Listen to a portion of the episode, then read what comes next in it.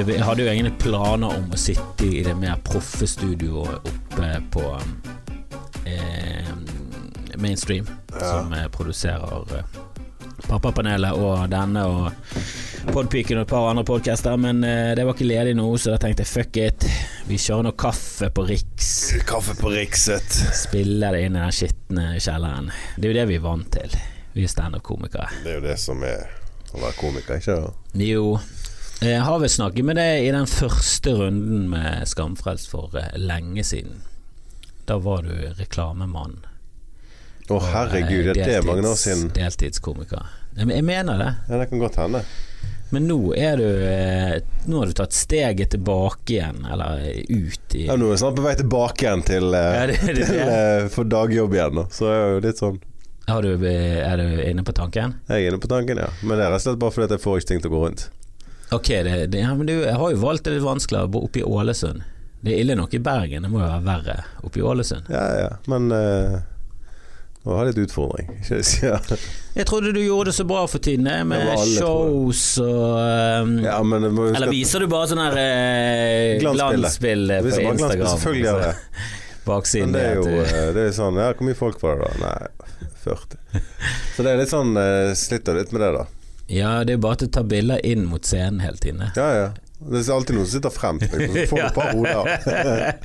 Får du et par hoder med, og du står og smiler på scenen, så ser det ut som du dreper det. Gjør det kjempebra. Men det gjør det bra. Det er bare at folk ikke vet hvem jeg er og gidder ikke å komme. Ja, det er, du, du føler det der stresset. Men du reiser mye rundt da, på småplasser og sånn. Ja, eh, hvordan, eh, hvordan er det? For det, i denne runden med, eh, med mitt show så tenkte jeg jeg gidder ikke. Jeg gidder ikke å ta den der eh, møkkareisen. Jeg burde kanskje gjort det, men jeg vet at det, det skal liksom det, det er veldig bra for show nummer tre å ta den reisen nå, og da tenkte jeg bare Jeg håper et eller annet skjer fra nå til da. nei, men så Jeg tenker ikke så mye på runde tre. Jeg tenker mer på det at uh... Du er på runde to, da? ja. Dette er jo ditt andre show. Skikkelig show. Jeg har jo foredraget mitt òg, som er straks standup-show. Men drit i det. Ja, det Vi kan komme tilbake til foredraget. Men uh, spiller du forresten inn? Det, Vi har begynt, vi, André. Å ja, herregud, vi har begynt. Nei, altså jeg tenker jo sånn at jeg reiser Jeg tenker ikke så mye på runde tre. da Jeg tenker mer på at um, jeg reiser rundt og gjør show fordi jeg elsker å gjøre show. Uh, sitter det ti saler, sitter det 80 det, Jeg gir de like mye show, liksom. For vi vet aldri hvem de ti er, tenker jeg alltid. Så plutselig så dukker opp i firmagig i etterkant, og da er det plutselig En av de kan være kongen. en av de kan være kongen, en av de kan være Ja. Så det, det, jeg tenker alltid Bare gjør alltid det beste, da. For du vet liksom aldri hvem som sitter i den jævla salen. Nei, men det, du har jo reist, du reiste jo rundt med, med det showet Hva het det forrige showet ditt? Plenum. Plenum, og så var det negativ Negativ. optimisme. Du får jo gode kritikker, og alle som ser det, er Folk jo eh, veldig eh, positive. Og komikere er jo ikke i utgangspunktet noe særlig positiv sånn innstilt. Nei, komikere, jeg driter i hva komikerne syns. Ja, men eh, komikere liker jo det. Får masse skryt. Ja, Ja, ja. Alle som ser det, er jo sånn 'Å, det var dritbra'. og Det, det må du det se, og Det har ikke jeg hørt. Men det er kult. Men du reiser veldig rundt på veldig små plasser. Veldig små plasser. ja, for jeg reiste bare Jeg reiste bare til minsteplassen jeg var på Ålesund, og der gikk jo ikke det noe bra. Altså sånn salgsmessig var jo kjempe Ja, nei, det var det. Kjempefor det folk, var, og- eh, Men det var i forbindelse med festival, var det ikke? Jo, jeg kan godt skjønne det. Hvis jeg skulle sett meg selv den dagen, så hadde jeg heller sett meg selv sammen med Atle Antonsen. Se- eh, Hvis jeg så, så hadde vært fan, Ja. og skulle i hvert fall valgt ett av de showene, så hadde jeg valgt det showet der også Atlantis. Men det er alltid hver gang vi legger ut 'Hvem vil du se i Ålesund neste høst, neste sesong', et eller annet, så det er alltid noen som skriver Kristoffer Schjelderup. Er det noen du betaler det, eller? Nei, men jeg har vel eh, en liten, har liten, har en håndfull. liten- håndfull Men en håndfull ser ikke bra ut i en sal. Nei, det, det vet jeg. Høres greit ut. Sånn. Jeg har en håndfull fans i Ålesund. Hvis det er kun de som kommer, så er det bare fem. Det er fem, det. Det er det du får plass til i en hånd. Det er ikke mange. Nei, det er sånn. Så du vil jo ha flere. Så jeg reiste bare i Stavanger, Oslo, eh, Ålesund, Os, Bergen. Det var de stedene jeg reiste. Ja. Men du reiser hva er de verste stedene du har vært på, eller de rareste stedsnavnene? Nei, altså jeg har vært på Vega, Sagvåg. Eh, jeg har vært på veldig mye Men jeg, men jeg syns det er utrolig gøy, da. For veldig mange de får har vanligvis ikke så jævlig mye standup. Så da er det jævlig kult å bare reise ut og, og gjøre det. Men hvor mange kommer da? Altså Vega, hvor mange bor det i, i På Vega? Vega, eh, der kom det Hvor mange kom det? Det er seks stykk der. Kom seks stykk. Ja, men det var veldig dårlig timing, for det er det som er problemet. Eh, for det var to stykker som hadde 60-årsdag samme dag, og da er hele øya opptatt. Så det var litt sånn Hvor mange bor det på Vega? eh, 60.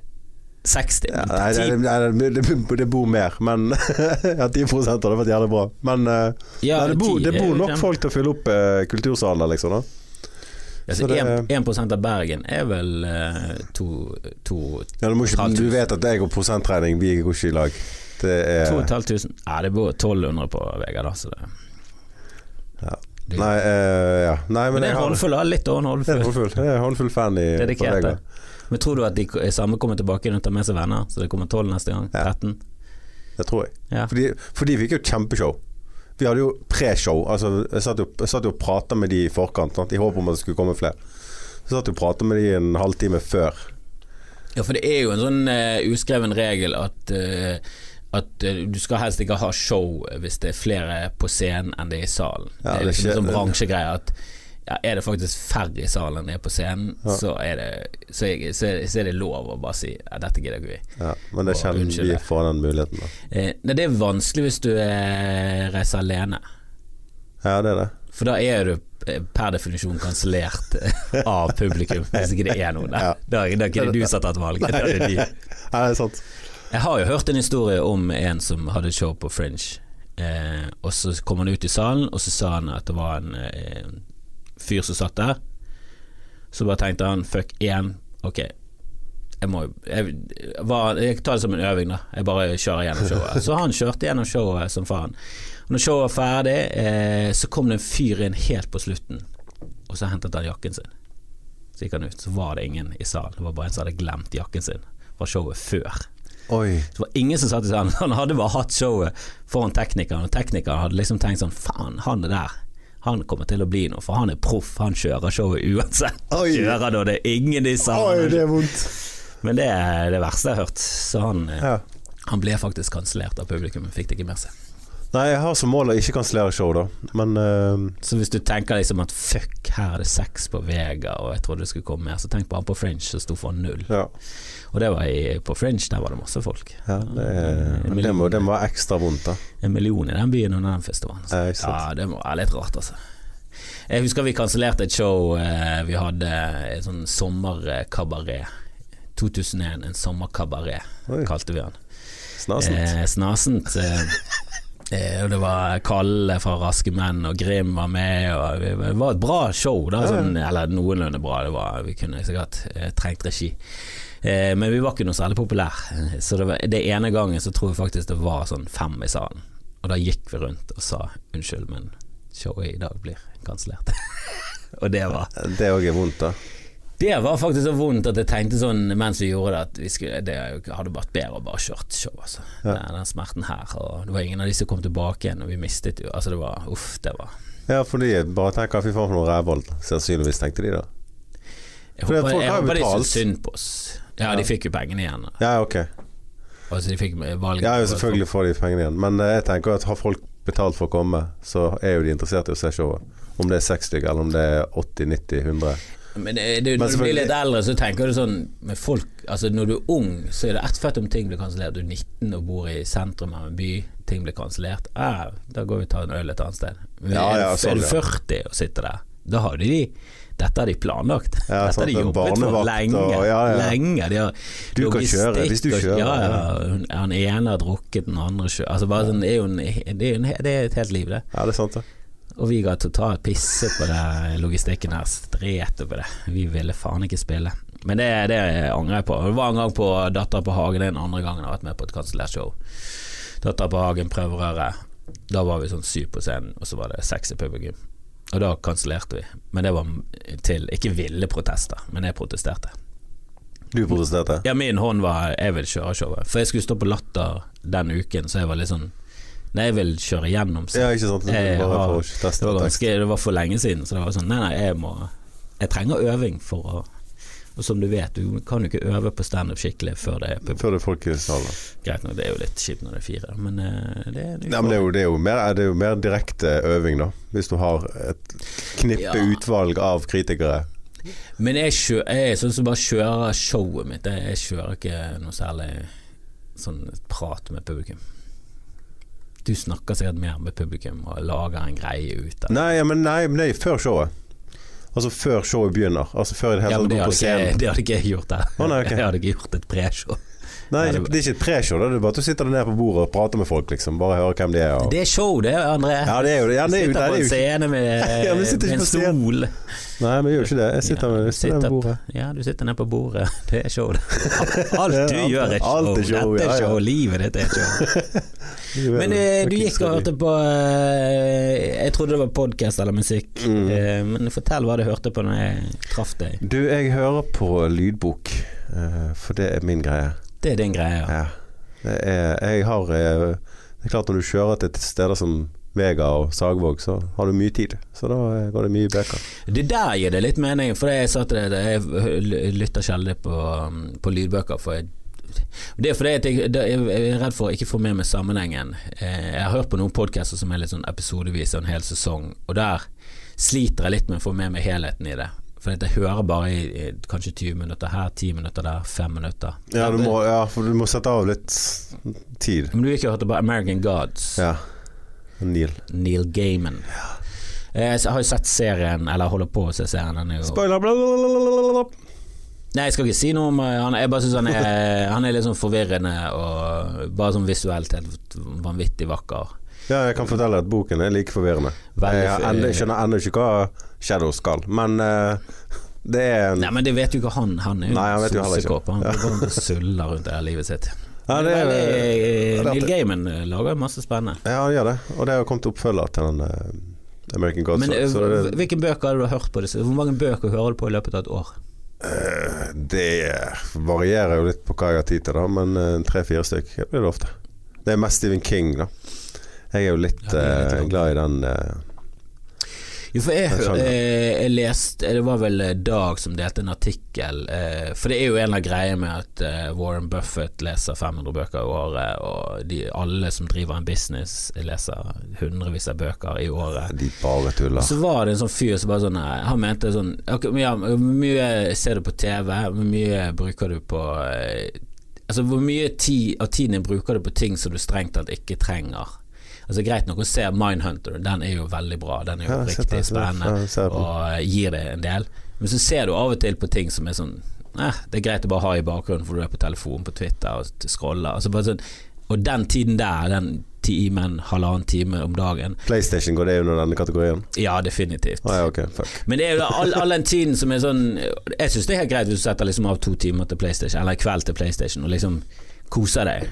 Men det er ofte jeg setter på, og så spiller jeg litt sånn halvveis, og så eh, holder jeg på med litt telefon, og så ser jeg Altså, jeg flakker for mye, da. Ja. Jeg, jeg konsentrerer meg ikke om Og han mente det at hvis du bruker den tiden på å lese bøker, så kan du i hvert fall lese Og han var sånn Du kan jo lese en bok eh, i uken, da, eller to, og da blir det 100 bøker i året. Jeg bare tenkte sånn. Hvis jeg dedikerer hele livet mitt til å lese bøker, så sliter jeg med å lese to bøker i, i og så hvis jeg det, ikke hele livet, men dedikerer all fritiden min til å lese bøker, så sliter jeg med to bøker i uken. Jeg leser ikke så raskt. Ja, men du ser jo sånn så, fordi du får opp tid sant, til å ta opp en lydbok. Sånn, Stephen King-bøkene. Det er liksom bare sånn 18 timer. Ja, Det er 18 timer, og det er vanlig lesetempo. Du kan speede det opp, da, men eh, ja jeg, du har ikke lyst til å ha Minimus lese en bøker til deg, Noen podcaster hører jeg på én. Jeg føler 1.25 er et veldig bra eh, speed-up. Du tar det 25 Ja, okay. Ett og et halvt så blir det for mye. Det blir sånn Så så- så sa han fyren Men hvis du har 1.25, så bare blir det litt kjappere, litt mer, de kommer raskere til poenget. Ja, men jeg, jeg mener, klar, det blir så litt som å se en film i fortfilm. Det går liksom ikke det. Du kan ikke speede opp en film 25 For det vil jo bare bli helt kjemperart. Nei, jeg føler ikke at det er helt det samme. Jo, men, det er det, akkurat det samme. men, det, men det er kanskje det samme når det kommer til lydbok. For den er jo den, den har jo kanskje regi, den har i hvert fall en produsent. Den har jo leid inn skuespillere. Det er jo ofte Ja, sånn Stephen ja. Fry, flinke folk som har veldig behagelige stemmer. Og de leser i tempo som gjør at de, de kommer seg gjennom handlingen samtidig som de har litt sånn pauser som er dramaturgisk. Men jeg hører veldig mye på podkaster sånn, sånn som meg og deg Mm. sitter og prater. Der er det litt sånn pauser, du tenker litt Ja, det er sant. Jo, jeg var, jeg var i Vega og i Sandvikvåg. Du trenger kanskje ikke den dramatiske pausen, for den er ikke intensjonell. Den legger ikke noe verdi i Vega. Det er ikke noe sånn oh, Ohoi. skal til Vega. Eh, så det er, der kutter du veldig ned på de pausene. Ja. ja, jeg ser den, da. Men eh, den eh, 1.25, det er vel i en Jeg tror det var i den appen Laughable, som er en sånn podcast-app for humorpodkaster. Så den hadde litt flere valg. Ja, du har masse valg på uh, Jeg bruker Storytel nå, da. Ja, eh, men eh, iTunes er en sånn Apple-podkast. Podcast-appen til eh, Apple er ikke sånn kjempeavansert. Nei. Det virker liksom som de lagde den i 2007, og så har de ikke gjort så mye mer med den. Det er nesten Det sånn høres Hvordan går det med denne appen? Det? Ja, okay. Det høres litt ut som Apple generelt. Det er sånn, ah, det funka i 2007, ikke fiks det. Ja, jeg vet hva, jeg kjøpte Jeg kjøpte Apple eh, de siste Apple-tingene, og det er sånn helt avsindige priser på det. Ja, det er jo det. Det er jo helt sinnssykt. Det, jo- det burde ikke vært lov. Det er ikke rart at du må ha en dagjobb. altså, Ja, du må jo det. hvis du skal ha råd til Apple, må du ha, jobbe tre Ja, jobber. da trenger jeg noe virkelig å skrive av på skatten, så kan du kjøpe deg en ny iMac. Men når jeg traff deg første gangen, da var du eh, komiker fra Bergen. Du hadde du, jeg, vet, jeg tror du hadde startet litt i Bergen. Eh, jeg vet ikke helt hvordan det var, men du var i hvert fall oppe i Ålesund. Du hadde gjort en del ting, men så jobbet du mest med reklame. Du holdt ikke på med så mye standup. Nei, det var jo bare hobbygreier, det. Eh, det var jo eh, det var, det var jo her jeg kom Eller jeg begynte jo Faen, når begynte jeg? Jeg begynte jo i 97. Ja, det, du begynte jo for lenge, lenge siden. Ja, ja, kjempelenge siden. Du begynte jo nesten rundt den, eller rett etter den tiden Dagfjord Lyngbody de hadde begynt. Ja, jeg satt jo på uh, Var du oppe på Nansen-puben? Nansenpuben. Jeg lagde jo logo. Uh, klassen min, jeg gikk jo på MI. Så fikk vi oppgave av Elina Kranz å lage en ny logo til Nansenpuben. Eh, og så vant vi oppgaven, da. Så vi reiste jo ned, så ble vi liksom invitert til liksom være der, liksom. Og så skulle Dagfinn Lyngve Han skulle begynne å standup. Så jeg må jo innrømme at det var jo der det begynte for min del, da. Å se Dagfinn Lyngbø. Ja, Du så Dagfinn, og du hadde ikke noe særlig kjennskap til standup. Hadde ikke du sett Eddie Murphy? Jo, jeg hadde jo sett de uh... Det er så rart, for alle, sett, alle, alle i vår generasjon har sett Eddie Murphy, men jeg tror ikke det var noen av oss som tenkte sånn Det har jeg lyst til å gjøre. Det var liksom bare sånn Helvete så gøy Eddie Murphy er. Ja. Han har show, han har filmer, han er en fantastisk fyr. Ja, så han uh, Hva heter han? Folk Fairline-fyren. Ja, eh, Herregud. ja, vet du hva, jeg tenkte faktisk på hva han hette for eh, et par dager siden, kom ikke på det. Andrew Dice Clay. Ja, han òg. jo Som også er en karakter, da. ja. Han heter jo noe helt annet. Han heter jo et eller annet Max Steinberg, eller noe sånt. Har- Det er det som er problemet. En av alter egoene hans er jo Andrew Dice Clay på scenen, liksom. At da er han en da er han en sånn mannssjåvinistisk, Ja. Upolitisk, eller politisk ukorrekt kødd. Ja. Altså, jeg gikk jo i Forsvaret etter eh, MI, og så reiste jo jeg eh, hjem på toget hver fredag og rekke standup med Dagfjord Lyngbø. Ja, Men du sto ikke du, Nei, jeg sto ikke sjøl. Jeg bare jeg syns det var så jævla ja, ja, Jeg synes det bare var jævlig tidlig, og så var det utrolig gøy å bare sitte og høre på. Og så gjorde han narr av meg hver gang, for jeg reiste jo i uniform, så det var jo, jeg fikk jo alltid gjøre det. Uh, Og han var jo litt annerledes på den tiden. Da var, det, var hele greien litt annerledes, for da sto han og røykte og drakk på scenen. Og, ja, det var jo mer sånn laidback, mer sånn klubbkomiker, ja, det var mer sånn egentlig. eh, skitten klubbkomiker. Ja, ja, men det var veldig kult, for han var liksom den eneste som holdt på. Altså, som liksom var den gang, liksom. I hvert fall i Bergen. Ja, Sto ikke Bjarte Jørgensen litt, og han som eh, har vært med i Jo, jeg to tror, siste jeg tror han hadde han med en gang som Jeg har en kompis som uh, skulle prøve seg et eller annet sånt. Uh, det, jeg tenker godt hende det var Bjarte, faktisk. Ja, for jeg tror det eneste som skiller de to sånn kjempemye, er at Dagfinn har veldig lyst til å bli komiker, mens Bjarte var sånn eh. Ja. Så ikke helt for seg at han skulle bli komiker. Altså Jeg tror hvis han også hadde satset, så hadde han også vært Kanskje ikke Dagfinn Lyngbø, men han hadde vært Bjarte Jørgensen. ja. Det hadde vært rart hvis han hadde bare blitt bare, Bare blitt Du, jeg har også blitt Lyngbø! Hva mener du? Jeg har skiftet navn! Jeg har blitt skallet, akkurat som deg. Oi, det var gøy. Eh, nei, men det, jeg har jo hørt at de begynte der. Jeg gikk jo aldri der. Jeg så jo Dagfinn han hadde det første showet sitt på Maxim, som nå har blitt Ole Bull scene. Ja. Eh, og det var jo ekstremt, eh, ekstremt gøy. ja, jeg var på eh, stort sett de fleste showene hadde. Og da Det, det var det litt sånn bort, vi Hvor er nå? Der borte, og så ned i gaten. Der var det sånn Der med Bergensavisen. Der var det pub.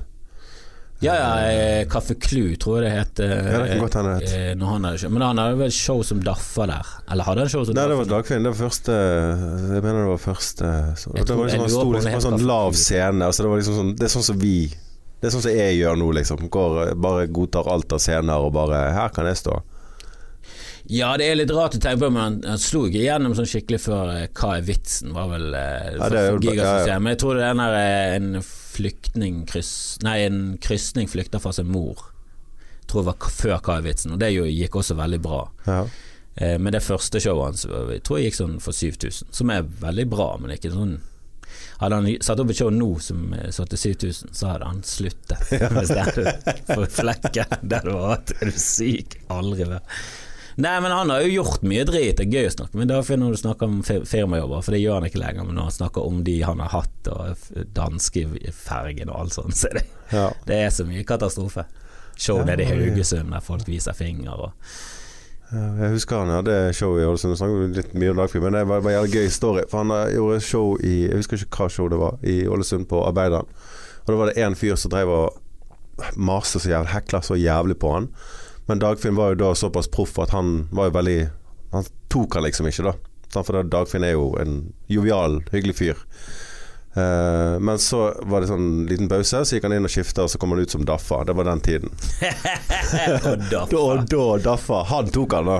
Og det var så gøy, det. Han At han ikke eh, imot noe dritt. han tok ikke noe drit. Sluttet med Daffa. Det er jo lenge siden jeg har sett Daffa gjøre et sted. Kanskje, han- kanskje han må begynne på nytt igjen med litt sånn open mic og Ja, det, karriere, det hadde vært gøy. Bare for for karrieren sin opp og stå igjen. Daffa kunne blitt Dagfinn. Dagfinn. det hadde vært gøy hvis han hadde nesten kjørt litt sånn Andy Kaufman. Så Mm. når Dagfinn kommer da bare Du, ikke kall han Dagfinn, nå er han Daffa. Ja, Så kommer han med parykk og en joint og bare Hei, hva er greia med Nei, så interessen min startet jo der, da. Ja, så, uh, du så han Men sto du noen gang på Nansen-puben? Nei, aldri. Jeg uh, Angrer du ikke på det? Jo, men jeg, jeg var ikke der den gang. Jeg tenkte ikke at det er noe jeg klarer. Jeg har aldri, jeg har aldri tenkt den tanken at jeg skulle bli komiker. Hva var det du hadde lyst til å bli, da? Eh, Jeg, skulle, jeg gikk jo Det ble jo grafisk designer. Logomester. Ja, jeg var jo det. Ja. Jeg var jo design. Uh, Var det det du holdt på med når du drev eh, med reklame? ja, Bare grafisk design. Jeg har alltid tenkt at du var tekstforfatter. For du Ja, for det var der jeg ville, skjønner du. For når jeg først kom i reklamebyrå, fikk jobb i Ålesund i reklamebyrå, så var jeg liksom oh, jeg er litt grafisk designer. Men så tenkte jeg hvorfor er det? Jeg ville heller være tekstforfatter, for det var mye gøyere. Så jeg eh, snakket med han eh, tekstforfatteren som da jobbet på det reklamebyrået, og så sier jeg jeg har lyst til å bli tekstforfatter. Er det for seint? Og så sa han nei, du er 22, så det går fint. Eh, det viktigste og det vanskeligste, det er å skrive humor i reklame. Og da vet du, ser jeg annonse i avisen, Sunnmørsposten. Standup-kurs med Jonas Rønning og eh, William Ransby på Mats. Jeg bare der skal jeg. Og da, da Så det var litt for å bli tekstforfatter? ja, det var kun derfor. Jeg skulle lære å skrive humor. Ok, ja, ja, ja. Og så uh, skulle jo vi skrive litt tekster. Og så skulle alle som var på det kurset, vi skulle jo selvfølgelig ha da opptreden uh, ene kvelden. Og uh, det gikk uh, sørgelig dårlig. Eh, men dæven hvor gøy det var. Og det var jo Terje Sporsem, han hadde allerede begynt. Når det gikk dårlig Eller er det- er dette bare fordi du er veldig selvkritisk? Eh, altså er sånn oppriktig Gikk det greit? Det gikk, gikk greit. Ja, det gikk greit. Altså, jeg hadde Den ene vitsen, den brukte jo jeg iallfall i fem år etter. Fordi at den funker så jævlig Eller den funker så bra. Den ble så mye bedre etter hvert, da. Ja, de to tomatene. Ja, to tomatene. Nei, det handlet om eh, eh, hvorfor østlendingene er mer, mye mer voldelige enn vestlendinger. Er de det? Nei, de er jo ikke det, men, men det er veldig, veldig gøy, for når du er bergenser, så er det gøy å si det. da eh, Og da mente jeg at det var pga. toneleie. For vi bergensere vi kan jo skremme folk med å bare banne. Sant? Dra det til helvete herifra, sånn blir jo folk redd. Sant? Blir ikke like redd når østlendinger kommer bort og sier «Å, Dra til helvete! Altså, det er ikke det samme. Er- Jeg, jeg føler at det er østlendinger ofte ødelegger utlendinger sitt syn på nordmenn. For når de snakker, så er alle utlendinger som gjør narr av eh, nordmenn, så er det sånn. Sånn, Det der høres jævlig østlandsk ut. Det er er ikke sånn vi snakker. ja, det er ikke. Vi snakker øh, mer sånn Altså Vi er like dårlige Ja, i engelsk. Jeg sier ikke at bergensere er bedre i engelsk, jeg vil si kanskje hakket verre, men uh, vi har et helt annet toneleie. Ja, vi har det. We talk like this. It's Ja. uh, more like bergens engelsk. Men nå har vi heldigvis Daniel som reiser rundt og forteller oss hvordan vi snakker. Åh, det er, jeg irriterer meg hver gang noen påstår at han er en karakter, og så prøver jeg å si sånn Nei, nei, jeg kjenner han, eh, han er sånn. Og han er sånn av scenen og på scenen. Han er kanskje mer ekstrem på scenen, scenen, ja. men det er vi alle. Men det er, det er han i bunn og grunn. Ja, ja, er ja. Sånn han snakker. Bare sånn, ja, sikkert. Bare, nei, nei, han er sånn Bare, Han snakker ikke så dårlig engelsk. Bare sånn. Han snakker så dårlig bergensk! Hva er det du snakker om? Han er, det, er, det, er stemmen hans. Det var fantastisk hva han har fått til, ass. Jeg syns bare det er rart at uh, han, har, han har blitt så tilgjengelig, da. Altså at han har kommet seg inn på Comedy Cellar, at han får stå på Late Nights. Jeg hadde tenkt at han var mer sånn underground og for bare sånn de spesielt interesserte, men han liksom har treffer et eller annet folkelig samtidig så det er så han Nordmann, vet du. Typisk nordmann. Vet jo, nord, vet jo Ja. norsk humor er jo reiser over hele verden. Han er jo den eneste av oss Ja, det er det. men han er vel eh, en av få nordmenn som noensinne har gjort det noe særlig i utlandet. Ja, det er det nok. Det, er veldig, det er mye svensker og dansker sånn i, i London og sånn, men det er, veldig, det er Daniel. Og så er det eh, Så er det et par norske damer, men de er sånn norsk-engelsk. Jeg tror de snakker med litt aksent. Og de er sånn Å, jeg har norske foreldre, men jeg har bodd i London hele livet. Sånne folk, da. Ja, sånn som sånn som snakker litt engelsk i norsken sin. Ja, for det er mange som har problemer med innvandrere. Jeg hater utvandrere. Jeg synes det Burde ikke vi heller hate utvandrere! Ja, burde vi hate Hvorfor ikke Hvor er den gruppen? Hvor er den hatgruppen? Hater de her utvandrerne, de som går opp og reiste fra oss? Oi. Losers! Det er litt sånn som jeg gjør, liksom, fra Bergen til Ålesund. Ja ja, Du burde ikke blitt populær for det. Nei, jeg ble jo ikke det. Men hvis du flytter til en annen by, så blir du sett på som en Judas. Flytter til New York, fantastisk menneske som Ja. promoterer Bergen ut i det store. Vi er veldig stolt av utvandrerne til USA. Det er ingen hatgrupper der. Jeg skal starte den. Og det, blir, jo- jeg kan jeg være med? Jeg kan være sånn eh, redaktør. Skal vi starte den? En sånn undergrunnshatgruppe. Litt sånn hipster-hatgruppe. Og han hater da innvandrere, vi hater utvandrere. Jævla sviktere. Taperne som ga opp. Nei, det er mye gøy det. Nei, det er fett med Daniel, jeg sto med han i sommer. Han, er, han kommer med et par setninger som bare er Jeg har aldri hørt noen si det før. Altså, det det, er det, jeg så også på eh, et nytt standup-show på Netflix i går eh, med en som heter Simon Amstel. Det Jeg ser er, ikke, jeg ser ikke disse specialene på Netflix. Nei, men han er litt eh, interessant, for han Jeg husker Daniel varmet opp for han. For når han var i England, så var han kommet opp på et ganske stort nivå, og han Simon Amster er liksom et nivå over. Da, men han turnerer liksom rundt eh, for store saler. Eh, Og så fikk Daniel være med der. Han var jo litt på TV og sånn, så jeg tenkte sånn ja, nå, har du liksom, nå har du fått det til i England, og så flytter han til USA med en gang. Eh, Men jeg tenkte liksom å, det var han der Daniel varmet opp for. Jeg sjekket han ut på YouTube, han er morsom. Og han har litt sånn originale tanker. Så jeg så det showet i går. Og der var det også et par ting som sånn ah, Jeg har aldri hørt noen si Men- ting på den måten. Men blir ikke du sånn når du ser de her specialene, blir ikke du litt Altså Selvfølgelig, du lærer jo litt, da. Uh, men blir ikke du litt uh, farget av det de snakker om? Så hvis du liksom begynner å skrive en ny tekst om et tema, så tenker nei, faen, faen, nei, nei, dette har jo Dette har jo jeg derfra. Uh, nei, eh, jeg tror ikke det. Så jeg prøver å, å skrive ut fra mitt eget hode. Må, må liksom skrive med min, eh, ja, med min stemme i, i min greie uansett. Så Ja, men sånn at du ikke tar en Trond Svendsen og liksom bare tar en Seinfeld-vits fordi at ikke du har sett på Seinfeld i hele ditt liv, liksom. Men jeg tror ikke han har skrevet den parallelltenkt. Jeg tror han har stjålet den, eller noen har gitt den den teksten.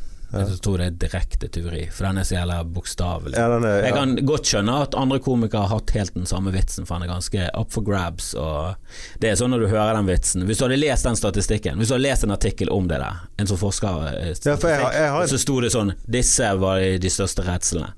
Og så hadde du sett Seinfeld etterpå, så hadde du tenkt sånn Hvorfor skrev jeg ikke den vitsen? Ja, s- ja, men jeg hadde, jo, jeg hadde jo en tilsvarende eh, På plenumshowet mitt, da snakket jeg om dette med å, å, frykten for å dø. Også at det var eh, folk er mer redd for å stå i en forsamling. Du skryter på deg at du stjal den vitsen før Truls Svendsen. nei, men jeg hadde samme eh, opplegg, for det var, det var jo handlet om hva du skulle være redd, da. Eh, men poenget mitt var ikke eh, Jeg mente at eh, Mitt poeng var at folk burde vært mye mer redd for å holde foredrag. Det var min vinkling på det. ja. For jeg, jeg, jeg kunne jo selvfølgelig sagt Tenk det, da. du vil heller dø enn å holde foredrag. Eh, eller ligge i kisten enn å Det er jo den altså, Hvis du ser alle delene der, og så tenker du Seinfeld, så er jo det sånn Det er jo bare én mulighet for han å komme frem til. Det er jo den vitsen der. Ja, det det. Han tar det ikke i en annen retning. Eh, du tar jo det i en annen retning. Det er jo en gøy retning, da. Det er Ja. veldig mange komikere i USA som gjør det, da. At de først lager de en vits, og så sånn Den var litt enkel. Hva hvis jeg gjør den helt omvendt? Ja. Hva hvis jeg heller Istedenfor å slenge drit Altså, Istedenfor å snakke om hvor drit Big Brother er for samfunnet, hva er det som er positivt med Big Brother? Og så prøver de å utfordre seg selv til å finne en sånn positiv vinkel. For dette var da jeg så showet ditt. Uh, da hadde jo jeg allerede heldigvis hatt premiere på mitt, da. Uh, så jeg var jo først ute. Uh, for vi snakker jo en del om de samme tingene. Det er sikkert vi, vi begge får faen. Jeg tror det er sikkert noe der. Vi har samme oppverden. Ja, ja. Men sånn som metoo-greiene som vi snakker om begge to. Så når du begynte å snakke om det metoo-greiene, så tenkte jeg shit, oi helvete, dette blir, dette blir close. Men du har helt andre vendinger enn meg. Ok, og det er redd for kjempegøy. at du hadde en Nei, nei, nei, er jeg så på Joe Rogan sitt show, og det var sånn fuck, han snakker om det samme som meg, og han har samme Å, ja, ok. Nei, for, for du, det, du tok det andre veien, sånn som denne Ulf Leirstein med PDF-greiene. sant? Uh, du tok det der at ah, ah, herregud, de har jo sikkert sett mye verre bilder. Ja, de har sett alt på nå. Ja, sant? 15 år Mens jeg gikk andre veien og sier hvor lang tid det tar å konvertere ting til PDF. Så det er litt sånn, og det var veldig gøy å se at Men det er jo veldig typisk deg.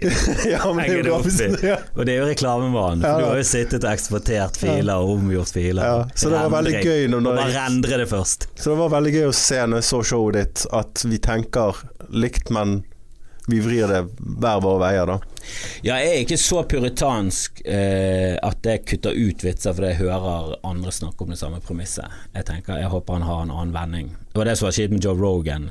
Eh, og jeg, nå skal jeg filme showet, og jeg syns mine vitser er bedre enn hans, men jeg er fortsatt sånn Uff, skal jeg gidde å ta det med, selv om jeg syns mine er bedre? Eller skal risikere at folk begynner da å mase om at jeg har stjålet fra Joe Rogan, selv om showet hans kom etter mitt?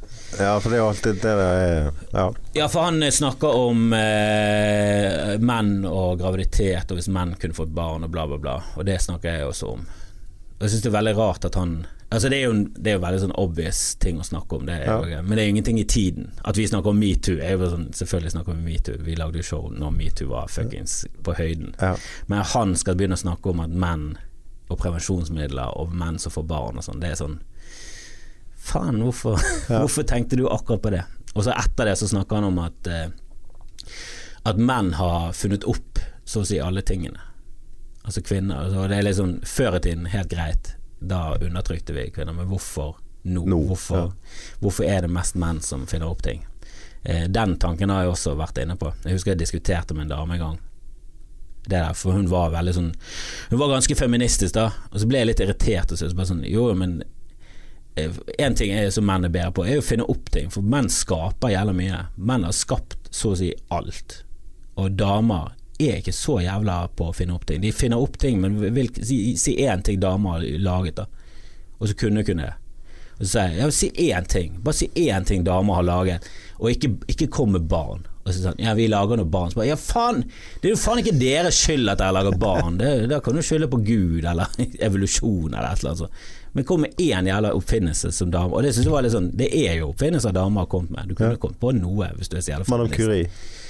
Ja, hun nevnte Madame Curie. Sånn, men det er ikke opp, altså Hun har oppdaget ting. Det er noe helt annet. Hun er forsker. Hun er fantastisk. Ja, ja, hun er ja, eneste ja, som har vunnet. Sa, det er det forskjell på å finne opp og Ja, men hun er jo genial. Altså, hun er jo et kjempe... Altså, at hun ikke er et sånn feministisk eh, Ikon. Ikke, ikke, hun er jo et feministisk ikon, men at hun ikke er et sånn kvinneikon av dimensjoner. Ja, men kan tenke, Vi skuffende. menn har jo bare sagt Ja, men hvor lenge siden er det? Altså, Vi hadde jo alltid funnet en grunn for disse. Ja, men Hun er den eneste som har vunnet Nobelprisen i to forskjellige grener. Ja, ja, men ganske, det er mange og, det år siden, og det er de fete grenene. Det er ikke fredsprisen og litteratur. Nei.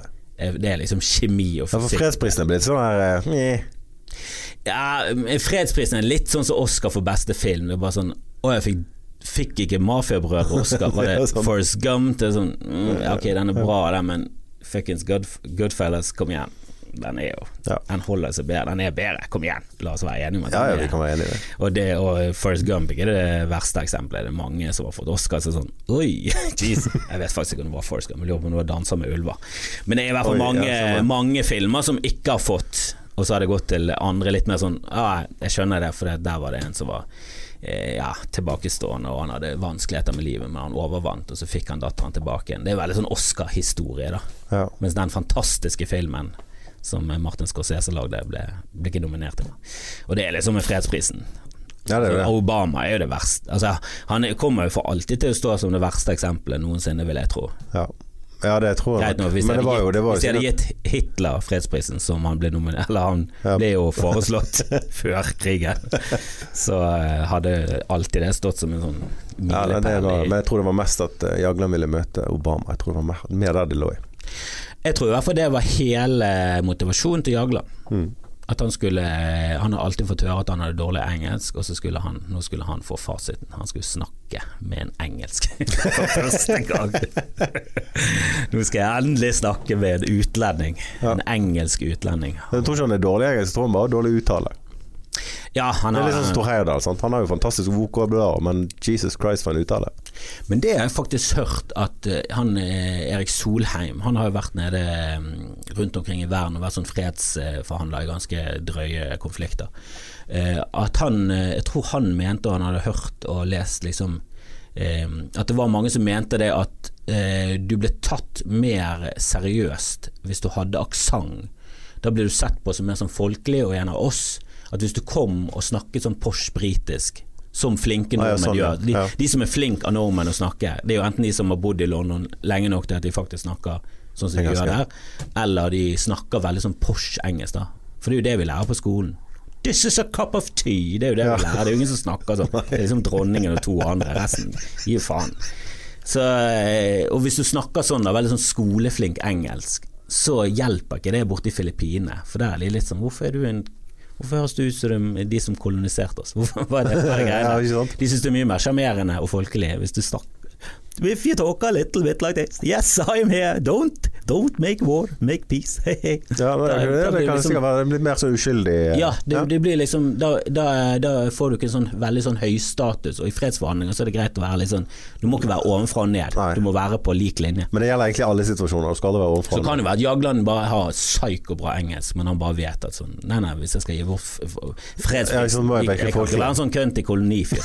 Her nede på folkeplan. ja, det, han er så litt smart han altså. Oh, nice cup of tea. Jeg, jeg var i Oslo eh, dagen før Obama fikk fredsprisen, og det var militærpoliti i, i byen, og det var fuckings sånne, sånne Apache-helikoptre som fløy. Det er bare sånn Hvis ikke USA skjønner at det de holder på med er bare så jævlig Altså suger så jævlig at de må sveise igjen bekkerlokk når de kommer til andre land. At de ikke liksom tar noe sånn selvkritikk. Det virker ikke som Alle er bare sånn 'Å, det er hate of freedom'. Nei, de hater at dere undertrykker folk og støtter Saudi-Arabia. De, de, de, på dette har en elendig utenrikspolitikk som er veldig egoistisk, og har ingenting med å spre noe som helst glede. Det har kun med å spre USA sin, sin makt og varer. Det er jo det det går på Ja, hele tiden. Og det har det vært lenge. Det fortsetter ennå. Og det er jo ikke det altså jeg, bare, jeg bare føler at hvis dere hadde gjort det riktige, så hadde det ikke vært så mye terror mot USA. Ingen, ingen som hadde giddet å reise fra Park. Det er mye lettere å bare reise til nabobygden Ja, ikke sant? og krangle med de. Det er jo det mesteparten av terroren er der. Ja. De hadde ikke giddet å reise til USA. Det er altfor stress. Det er jo kjempestress. Ja, det er jo kjempe, ja. altså, er det noe, altså er det noen terrorister som klager på, så er det det de reiseterroristene. Det sånn, liksom de hater utlendinger. Ja. Altså, de bruke utreisere. Får ikke de utbytte av eurobonuspoeng heller? Vet. Nei da, de får jo ikke det. Tenk, det jeg tror det var noen av de som satt og leste gjennom katalogen og bare sånn Du, hvis vi ikke krasjer tårnet, så har vi faktisk en spadag i Las Vegas, folkens. Sånn, Du, Ahmed, vi skal fly og krasje. Faen, ja, jeg er med. Frem med tapetkniven. Ja, for dette var eh, rett etter 11. september, så var det, lagde jeg en vits på om flere terroristgrupper eh, Om de hadde egne Facebook-grupper og sånne ting. Altså, at de hadde forum. For hva er sannsynligheten for at to terroristgrupper planlegger å kapre det samme flyet uten at de vet om hverandre? Og det hadde vært nesten vært en, det hadde vært, Kanskje ikke en filmgreie, men en sketsj. Ja, men, det var, det ble, men så var det en eller annen komiker òg som kjørte samme Og det var sånn Jeg tenkte dette var jo helt fuckings genialt. Ja, det er litt rart, for det, jeg, vel, jeg hadde en versjon av den 72 jomfruer, for den føler jeg er veldig up for grabs, for det er en veldig rar ting, Ja. hele 72 jomfruer-greiene. Jeg hørte nettopp på en sånn her night, This Night at a Comedy Store, eller Comedy Cellar, som faktisk Daniel har vært med på, en sånt Comedy Central-program. De bare filmer for Comedy Cellar, og da var det en dame som snakket om 72 jomfruer. Nå. Men den, den føler jeg sånn Den har begynt å bli hack. Den, alle har hatt denne versjonen. Ja. Og så kommer du opp til himmelen. Og hvem er det som er jomfruer? Det er jo folk som spiller data til 14. For det er jo ikke spesifisert at det er damer. Nei, det er ikke Eller jeg vet da faen. Jeg- Men jeg har jo den terrorister eh, sier at eh, martyrdøden er beste veien til paradis. Og så sier jeg det er det ikke, det er Bybanen. Og så sier jeg men du finner ikke to- 72 jomfruer på paradis. Men eh, ja. Den er jo veldig elegant. Ja, den, blir fin. Men jeg, jeg lurer på om publikum Jeg skjønte med en gang hvor du skulle når vi i Bergen. by, altså det, var sånn, det, det gøyeste her er å si Bybanen. det er ofte sånn når du hører noen begynner å si noe, så er det sånn Ja, det er gøyest nå hvis du sier Flosshatt, og så sier han Flosshatt. Så, Ja. Yes! Det, det var det du skulle si! Ja, men det er Så gøy. Så ler du ikke, du var, du er stolt av at du løste mysteriet før publikum. Men jeg lurer på om publikum ikke i nærheten av å tenke de tankene. Om det er bare oss som holder på med det. Sånn Men dette står jo for- det var Alle vi som begynte med standup på eh, 90-tallet, vi fikk jo Judy, eller kjøpte Judy Carters eh, standup comedy-bok. Og der tror jeg det mener det står at det er to måter å løse en vits på. Det ene er å gi det opplagte poenget, sånn at folk tar det før du kommer dit. Så blir de sånn jeg skjønte, jeg skjønte hvor jeg skulle. Eller så går du helt andre veien. Der de tror at de har skjønt poenget, men så går du en helt annen vei. Det er liksom de to måtene du kan løse en vits på. Så jeg har jo stort sett holdt meg til den oppskriften, da. Ja, den med bare gi de det de vil ha. Ja, ja, som oftest, jeg prøver jo som oftest å overraske dem, da. Så gikk han inn i butikken uten pose, så kom han bort til kassen og spurte om skal du ha pose. Ja, sa han, jeg har jo ikke pose. Publikum var bære det i armene, da! Hva du tror Skal jeg holde genseren under?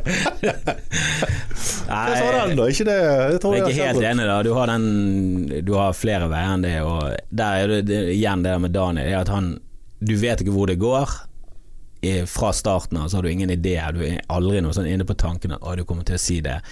Det kommer hele tiden i hans stemme veldig original, så kommer det plutselig bare en punchline, og det er bare sånn åh, fuck, så ikke den komme i det hele tatt. Nei, Visste ikke skulle- ja. visste ikke at det skulle komme en punchline her i det hele tatt. Men vi er jo komikere. Altså, når vi ser andre komikere Du må jo innrømme at du sitter der og tenker 'hvor skal han'? Hva tenker Jo, men noen kjører litt mer sånn standardisert form, da. ABC-standup. Det er derfor jeg har alltid sånn at jeg skal, jeg eh, klubbkveld jeg skal begynne med en vanlig komiker som er vanlig, og så skal du ha en som er eh, kanskje vanlig igjen, og så kan du ha en som er veldig spesiell. Ja. Så Daniel må aldri begynne et show. Det er veldig dårlig. Du kan aldri begynne et show med Daniel. Nei, for du må ha- må aldri begynne et show med en som heter Eivind Salen, som også er fantastisk, men han forholder bare lange monologer i i ti minutter. Og Det er veldig sånn Det er utradisjonelt, eh, og det, det bryter med vanlig standup. Så hvis det bryter med en gang, så, Ja, så, så får du ikke noe brudd. Da tenker bare folk å ja, dette er standup. Ja. Så du må begynne med noe som er standard. Og når folk holder på med standard-standup, så føler jeg at ja, da kan du begynne å nærme deg det der med at enten så kommer du til det poenget alle tror, eller så greier du å switche det om til noe helt annet. Switcheroo. The good old switcheroo, eh, eller pull back and reveal, er det ofte engelskmenn eh, sier. ja. At, du, at folk tror du snakker om én ting, og så går du litt tilbake igjen, så får du se hele bildet. Så bare sånn Å ja, de var i slekt hele tiden! Ja. Da var det rart at han lå med henne. Jeg burde jo aldri ligge med som mor. Ja, ja, ja. Det er gøy alt.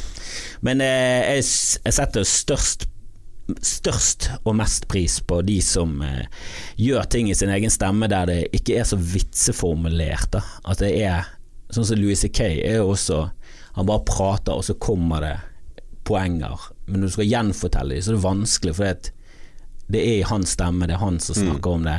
Og det er ikke sånn som Se- Seinfeld kan du memorisere og gjenfortelle, og det er, Ja, men det er bare for det går i reprise hver eneste dag. Hvert Jo, men det er, det er det, Han kutter vekk all dødkjøtt. Ja da, Eh, han forteller, men ja. det var litt overraskende med Louis C.K. At han faktisk Jeg trodde han freestylet med. Jeg trodde ikke det var så skrevet og så bruk av de samme ordene. Men det virker det som det faktisk er. Ja, okay. For jeg så en gang en sånn analyse av en vits av han der han snakker om at han spiller Monopol med de lille jentene sine, og at hun minste er så dårlig, og han knuser henne, da. Og han eh, som lagde den videoen, hadde vel sånn analyse av hvert jævla ord, og han veid og, og det det var et perfekt ord å bruke. Jeg tenkte sånn jeg tror han bare skal frem til det og det poenget, han vet han skal frem til det poenget, og hvilken ord han bruker, ikke så nøye.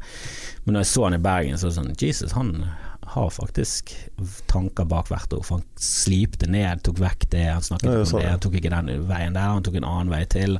Han la det litt tidligere i vitsen enn senere, for han følte at det kom tydeligere frem.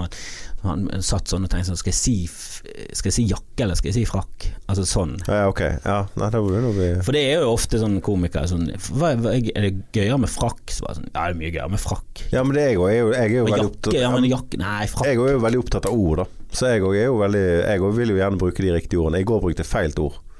Uh, for jeg sa kutte av beina, men det burde sagt amputert. For amputert er jo et morsomt ord. Ja, ja. Så det er jo litt sånn Så i, må, i kveld skal jeg bruke ord, amputert. Ja, Så kan du velge om du skal si amputert, altså beina, eller om du skal si fikk beina amputert. Og der er det også Det er jo ofte Ja, ja, sånn at du tenker er- sånn Skal ikke bare ende opp på det ordet, for det er jo det gøyeste Det ordet. det gøyeste Beina ordet, er ikke noe gøy. Nei.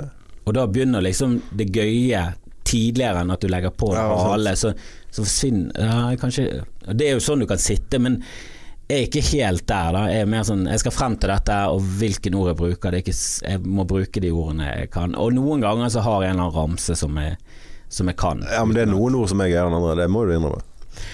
Jo da, men jeg er ikke så eh, Jeg har alltid tenkt sånn Jeg vil gjøre minimum med Jeg vil ikke ha så mye med ekstraarbeid. Så alt jeg kan kutte ned på arbeid Bare sier du 'bybanen', så bare ler de. Nei, nei, det er ikke det, men jeg tenker sånn Enten så må jeg lære meg dette utenat, og det tar ja, alt fra fire til åtte timer, Ja. jeg må terpe. Eller jeg kan bare være fornøyd med at jeg kommer frem til det poenget, om jeg noen gang snubler på veien, så får det så være. For da føler jeg Da kan jeg si ja til mer ting og kan gjøre mer. For dette, sånn som Grim, jeg blir jo helt stressa hvis jeg spør han sånn du, Kan du steppe inn som headliner om to dager? Jeg er sånn, nei, nei, altfor liten tid. Og bare sånn, det er to dager. Det er to fuckings dager. Jeg sier ja til ting på minuttet. Det er liksom Kan du gå opp og scenen nå? Bare, ja, Ja. ok, da går vi opp nå, da. Ja. Og det er fordelen med det, da. Bakdelen er at jeg av og til mister Ulempe. eh, ja, ulempe med Hva var det så? Bakdel. Kan ikke, kan ikke du si bakdel? Nei. Ikke det et ord? Eh, Jo, det er, det er et ord, men det er ikke en ulempe. det er bakdelen, det er bakdel. Bakdel, det er for eksempel eh, Men hvorfor kan du si fordel med en ting, og så kan du si bakdel? Det gir ikke mening. Her må jeg rette en eh, det, må- det, Den klagen får du sende inn til eh, Språkrådet. Men ja, det skal jeg, jeg må ta opp med Sylfest. Ja. Det er fordeler og ulemper. Mm. Det gir ikke mening. Nei, men det er jo ikke båt og ubåt heller. Men eh, Det er jo det. nei. Det er jo båt Du sånn, har jo, ubåt, det, det, men det er en fordi annen at ting. du har den legendariske undervannsbåtvitsen, så eh, Ja da, det burde hett ibåt. ja. Men det er båt, og så er det ikke båt. Det er ikke ubåt. Du kan ikke si at en ting er en ubåt. Hva du mener bilen? Å, er denne ubåten? Nei, jeg kjenner til ubåten. Har ubåt hjemme i garasjen. Kjører den Ja, folk, tiden. elsker, folk elsker når man terper på språk, og så hater de det samtidig. Vet du, hva, jeg syns Besserwisser er... Jeg tror eh, bakdelen med å være besserwisser Det er at du legger det frem på feil måte. For det, eh, det du egentlig gjør, er å gjøre folk en tjeneste for livet. Du sier at ja, det du trodde var en ting, det er ikke en ting', og dette er den tingen du skal frem til. Så fra nå av så kan du heller si det, så eh, blir du godtatt av alle. Eh, nå er det bare godtatt av 87% av samfunnet, men det er 13% som irriterer seg ræv av dritten. Og det er veldig viktig for komikere. Bare sånn, ikke si det. Eh, ja, de fleste i salen eh, hører på det, de tror på det, men det er feil. Så si heller dette, for det er riktig, og det gir ikke noe mer verdi det du sa, for det er feil. Altså Hvis du skjønner hva jeg Ja. mener. Av og til så bare tenker jeg sånn Hvorfor sier du på den måten? Hvis du sier det på denne måten her, så er det riktig. Men det du sier der, der kan du tolke det feil. Så heller si det på denne måten. Der er det riktig, det tar ikke noe vekk fra vitsen, alle er fornøyd. Ja. For det sitter 13% i salen og sånt. Det, Ja, det er jo det som jeg sier når folk, eh, Hvis jeg snakker med folk og de sier eh, sånn som bakdel, så må jeg korrigere. Har du har den, det, det har jo egentlig skapt din komikarriere, sånn, sånn som jeg tror. ja, ja. At når jeg kjente det først, så jobbet du i reklamebransjen, og du drev med humor, og så startet du opp Standup Ålesund, men du drev fortsatt i reklamebransjen som sikkert tekstforfatter slash grafisk designer. Mest grafisk. Du var mest grafisk, Ja, du kom det aldri helt, jeg kom aldri helt opp i toppen der. Ja, det, nekter å tro at det var så jævlig mye flere i det firmaet som var så mye gøyere enn det. Men kanskje ikke, var- kanskje ikke det reklamebransjen var ute etter? Nei, det var ikke det. De ville jo bare For Husker du når TV 2 startet, hvor jævlig mye humor det var i reklame, og hvor mye gøy reklame det var? Ja, det var det. Nå det det var sånn- ja, det var det. Jeg, jeg føler at den norske eh, standarden på reklamer var høyere, mye høyere. Jeg tror det var mange som tok liksom steget fra reklame og kom seg videre ut i film og TV. At de tilbudene har blitt bedre. Mens eh, jeg tror også de har forsket på det og funnet ut at eh, det er gøy med gøy reklame, men det selger ikke varer. Nei. Ekstra selger mye eh, varer på den reklamen, og den er gørrkjedelig. Ja. Jeg vil kåre det til den beste reklamen gjennom tidene. For hver gang jeg står i en kasse, skal ha tyggis. Sorbitz, er du helt syk i hodet? Hva faen er du?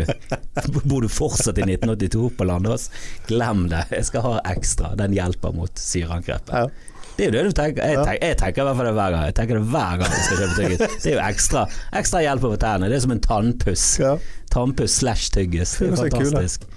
Men eh, ja, jeg husker den norske reklamen var jævla gøy en periode. ja, det var det. Men det var, da var det veldig mye om å skrive humor. Men så plutselig så sluttet de med det. Men du drev med reklame slash standup, og så opprettet du gruppen eh, som jeg kaller alltid bilder i kampen mot orddelingsfeil, for det, da skjønner folk hva jeg snakker om. Mm.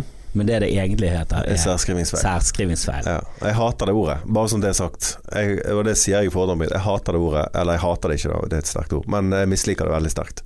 Uh, fordi at det er et jævlig tåpelig ord. Jeg, jeg, vil, jeg vil gå så langt som å si hater, for det, det er et ord som beskriver ikke i det hele tatt hva det er, men Riktig. orddelingsfeil beskriver nøyaktig hva det er, og så er det, burde ordet vært orddelingsfeil. Helt enig. Det burde vært det burde Sær- Hva er særskriving med om du setter sammen et ord eller deler det opp? eh, særskriving er jo å dele opp ord. Ja ja, men hvorfor heter ikke det orddeling? Det er jo ord, det, du deler jo et ord. Hvorfor heter det særskriving? Det, har, Ja, det, det er ingen mening. Det det, det, det, det er mener. er, dårlig ord. ja, det er kjempedårlig ord. Norsk språkråd må ta faen meg selvkritikk på det. Ja, men jeg mener jo at så lenge uh, fordi Sølvfest! Disse to tingene her kommer til å bli kalt orddelingsfeil på et eller annet tidspunkt. Uh, fordi at 90 av befolkningen Ja, kaller det hvis vi bare fortsetter, Ja, ja. så endrer det seg Ja til slutt. Og så ler vi. Ja. Husker dere han der løken? Særske. Men du måtte, eh, kalte du gruppen i starten orddelingsfeil, Nei, eller satan? jeg kalte den alltid særskrivingsfeil. Uh, og jeg har fått sinnssykt mye spørsmål om hvorfor jeg ikke heter bilder i kampen mot orddelingsfeil. Og de svarer jeg jeg har lært at skal du først være bedre viter, så må du gjennomføre det 100 Så derfor har jeg brukt riktig betegnelse, da. Ja, Og så skiller jeg meg da ut fra disse andre. for det, jeg tror de har fleste som mange. omtaler den gruppen, sier orddelingsfeil. Ja, ja. Jeg, jeg tror du hadde hatt flere følgere. Du har tapt millioner på dette. På Ja. særskrivingsfeil. Ja, nei, men jeg, det, det, går Du har fått igjen på integritet. Jeg hadde ikke fått sove om natten hvis jeg hadde kalt det du har hadde fått igjen på integritet og lykke, men du har tapt millioner av pesetas. Ja. Greit nok de eh, byttet Gått ut med euro, og kan ikke bruke de Men eh, det 10 greit å ha en koffert full av penger uansett. ja, nei, det Men du var opprettet en gruppe. Bilder i kampen mot, la oss si orddelingsfeil, for det det er det folk eh, skjønner. Det er jo da eh, Ja, for det gjør egentlig for, for Hvis du skriver bilder i kampen, så kommer den siden opp. Ja. Så da vet du at det er det. Ananas Ja, og så kommer det ikke Jeg skal, jeg skal starte opp gruppen Orddelingsfeiling. Ja, det finnes på svensk. Men eh, ja, ananasringer, ananasringer. Det er jo et Veldig mange splitter opp, som er litt forvirrende, for i England så er det motsatt.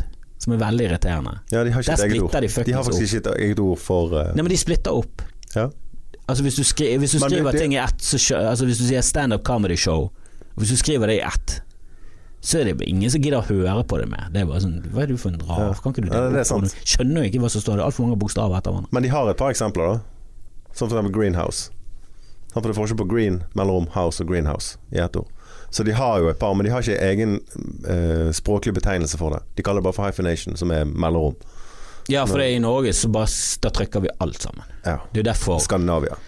Ok, Skandinavia, men det må vi hele tiden ha med oss, Sverige. altså når vi står Nei, vi må bare tenke at det det er ikke bare norsk det gjelder. Det gjelder skandinaviske språk. Ja, det er faktisk et land i Afrika, Mali, har sånn stammespråk.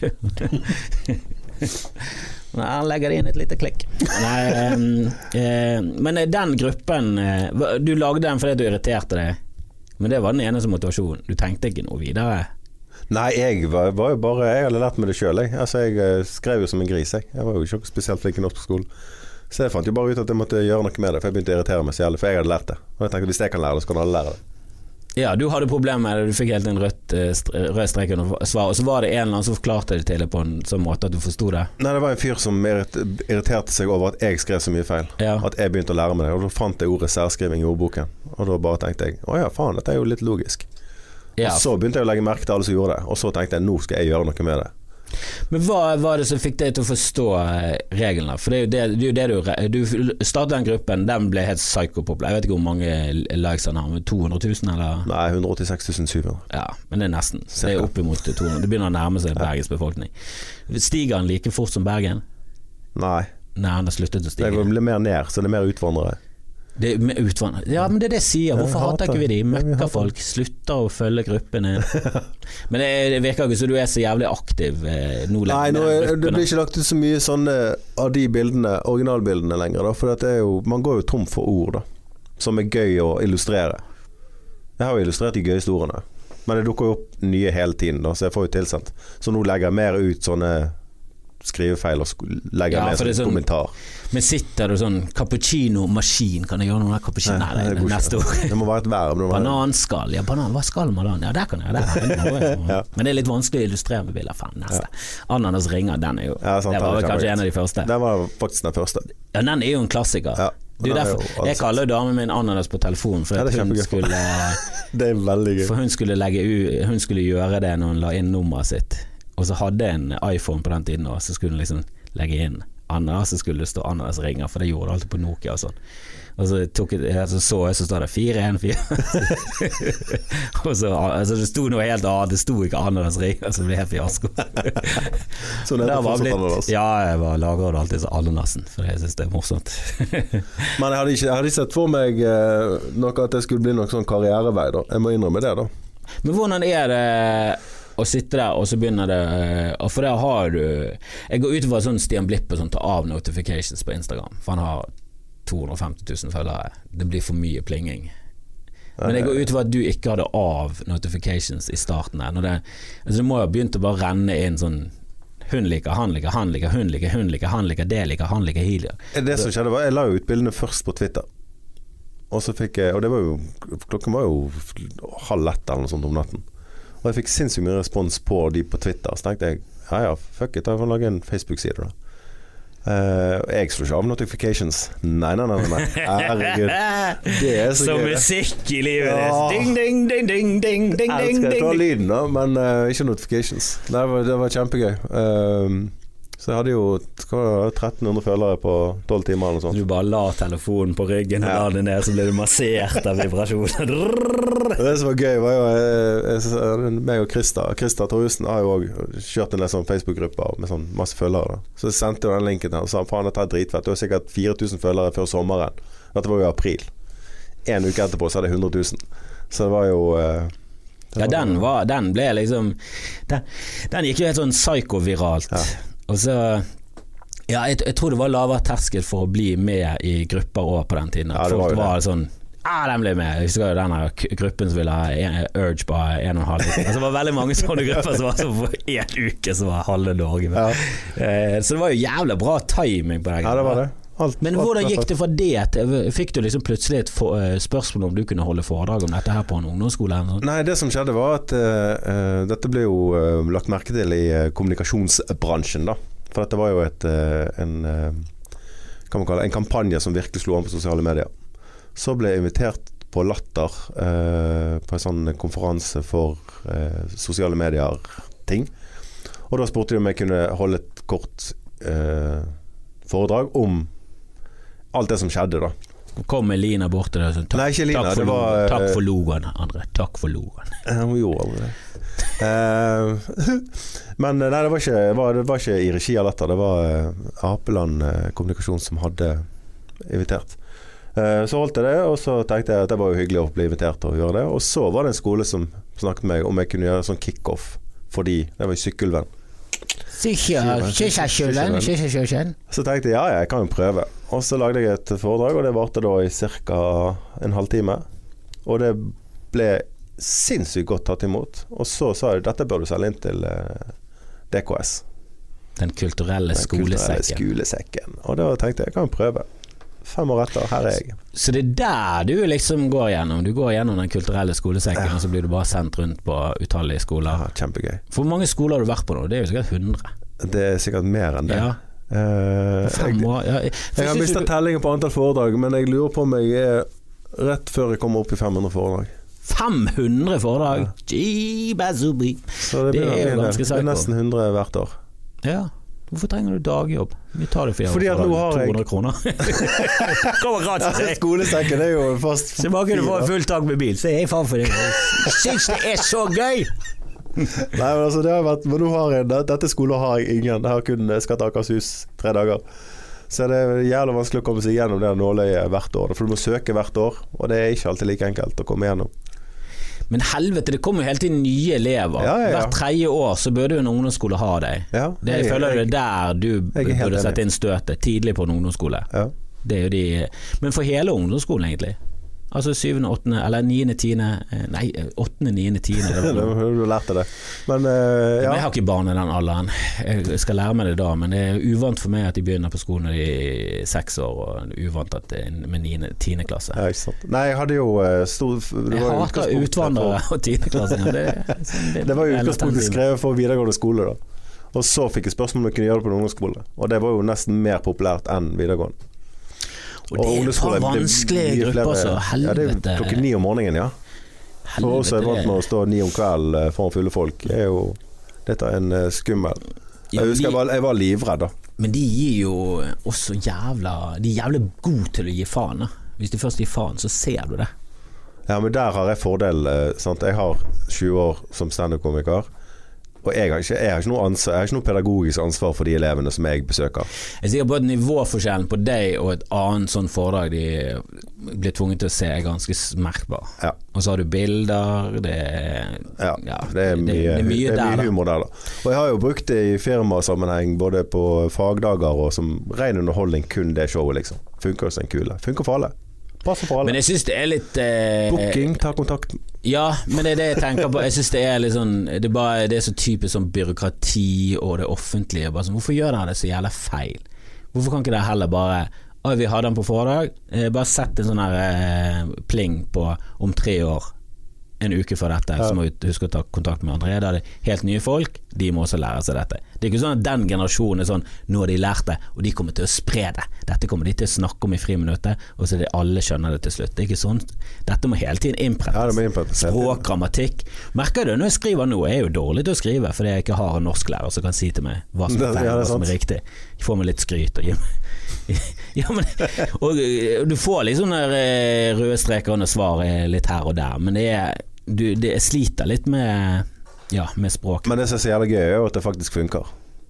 Ja, det er foredraget ditt. Foredraget. For jeg får jo masse henvendelser etter foredrag når jeg har vært på skoler. Eller Men jeg syns butikker og sånn også burde hatt det Ja, foredraget, for ja. de lager ofte skilt. Og det er jo der du ofte får, det er jo der du ofte får den Ja, irritasjonen. Jeg kjenner det. Og innvandrere burde fått eh, Du burde vært rundt i alle jævla innvandringsklasser som skal lære seg språket, som går på sånn I norskkurs. fall, ja. 250 timer eller noe sånt må de, må de ha som sånn obligatorisk. Der En av de timene burde vært André Ulvesæter. Helt enig. Og det hadde vært en ypperlig måte. Da har du visuelt, du har en eh, humoristisk kar, og så der tror jeg du kunne Det er litt vanskelig å holde humor for eh, folk med annen eh, kulturell bakgrunn. For humor har ofte veldig mye sånn referanser og ting som er i språket og no, norsk, og det er veldig, du må være veldig inne i en kultur før du begynner å le av humoren. Ja da, jeg har jo hatt for en del er eh, vanskelig. Ja, men jeg har jo hatt for en del sånn voksenopplæring eh, Ja. for innvandrere og sånt. Og det, jeg ser jo at de tar jo ikke all humoren som ligger i det, men de skjønner jo forskjell på en fiskekake og en fiskekake. Altså, de ser jo forskjell. De syns bare ikke det er gøy. De, nei, de syns bare ikke det er gøy, men de skjønner det. Men det kan jeg også litt skjønne, for, det, for oss så er det morsomt med en fiskekake, og så viser du en, en sånn bløtkake med fisk, som jeg går ut ifra at du gjør. Eller. Nei, det blir jo helt feil. Ja, Fiskekake. Jeg sitter på en båt, og så fisker jeg en kake. Å, du fisker en kake, Ja. ja. Ja ja, og så har du en fiskekake som er Og så fisker ved siden av.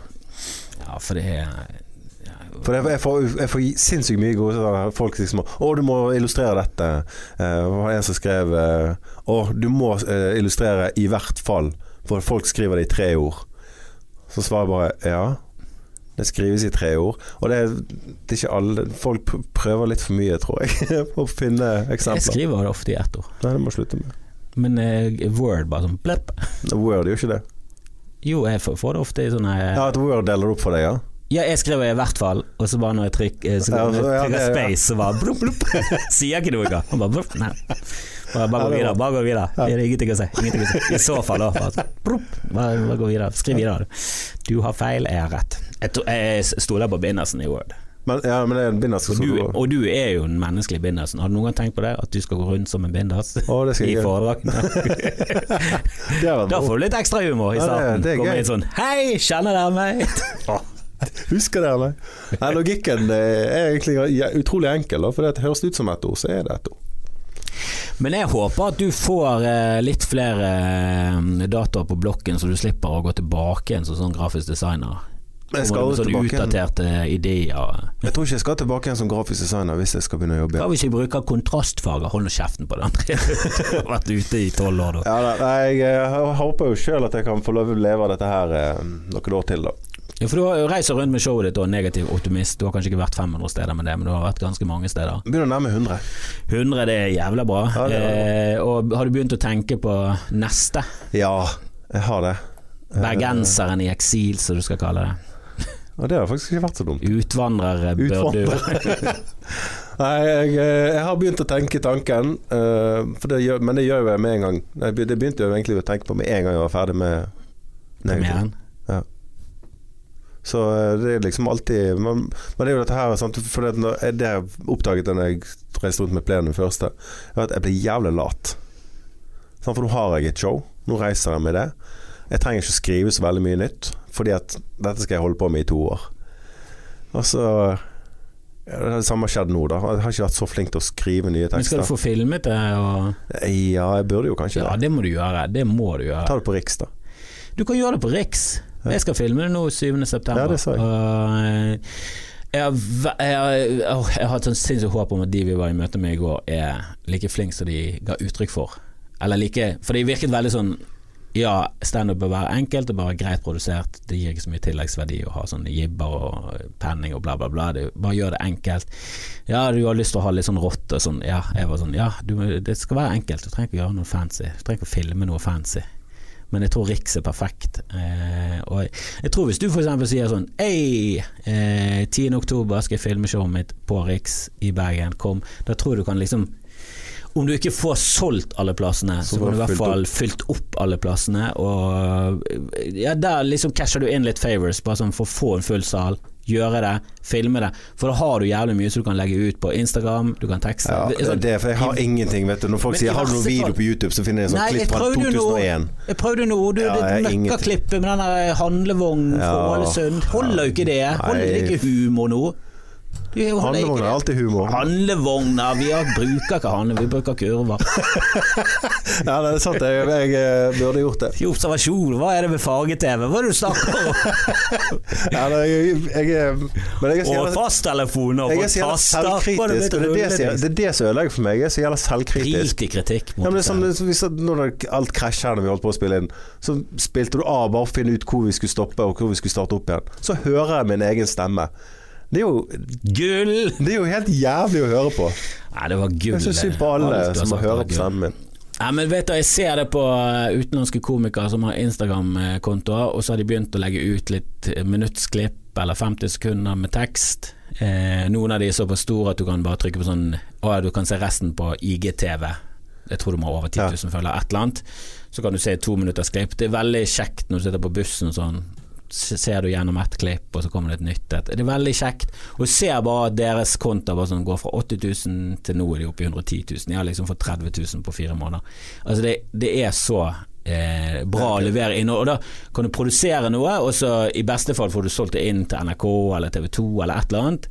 I verste fall så må du bare legge det ut på YouTube, eller finne en eller annen betalingsmodell der folk gir liksom 20-25 kroner, så kan de se showet ditt. Men det viktigste er jo at du får dokumentert showet, og at du kan klippe det opp i småbiter og servere det på sosiale medier. Og nå ut til flere, da. Og kanskje er du heldig, kanskje en av de går viralt, kanskje du treffer et eller annet. Kanskje det er noe i media som er om som Oi, det har jeg en vits om, jeg legger klar den vitsen, legger den ut. Treffer du som faen.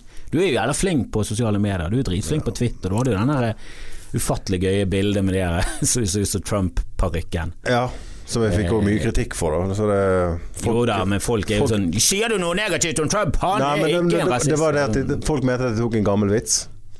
Men jeg tok ikke en gammel vits. Jeg tok et bilde som var kjent, og så skrev jeg en ny tekst. Det kalles å legge ny tekst på meme, og det er gjør alle hele tiden.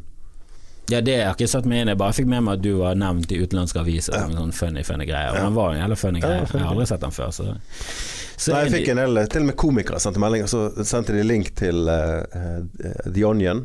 Uh, nei, ikke Onion. Uh, Panda, et eller annet. Sånn komiside. Uh, liksom, bare sånn at du er klar over det, så er denne faktisk laget vits på. Men da blir det litt sånn Hvorfor sender dere med den, da? Hvorfor sender dere med Tromsø Avis? For det var de som skrev det først. Ja, det vet, jeg ingenting om. Jeg, av og til tenker jeg på en Twitter-greie, og så googler jeg det. for å sjekke om det har blitt sagt. Ja. Jeg husker jeg hadde en eller annen om eh, et eller annet var, Det var et eller annet med incest og pedofili og et eller annet å holde det i familien. Et eller annet sånn, det var et eller annet, ordlyd var, Jeg syntes det var litt gøy men det var sånn Det må jo ha blitt sagt før. Så Men jeg det opp og bare sånn der, Men apropos den tweeten uh, og notifications. Nå satte jeg telefonen min på opptak på skjerm. Det var gøy. Det bare fort, haglet jo nedover med retweets. Det ble jo uh, retweeta etter pokker, jeg. 150 000 ganger eller sånt. Det er jo helt sykt. Ja, det var, helt sinnssykt. Jeg 150 000? Ja, det var kanskje litt mye, men uh... Men du ser av og til på noen sånne tweets som har sånn latterlige tall, og så har du aldri hørt om den personen før. Så går du og sjekker profilen, og så bare sånn Å ja, hun har bare 2000 følgere. Ja, Hun har bare truffet.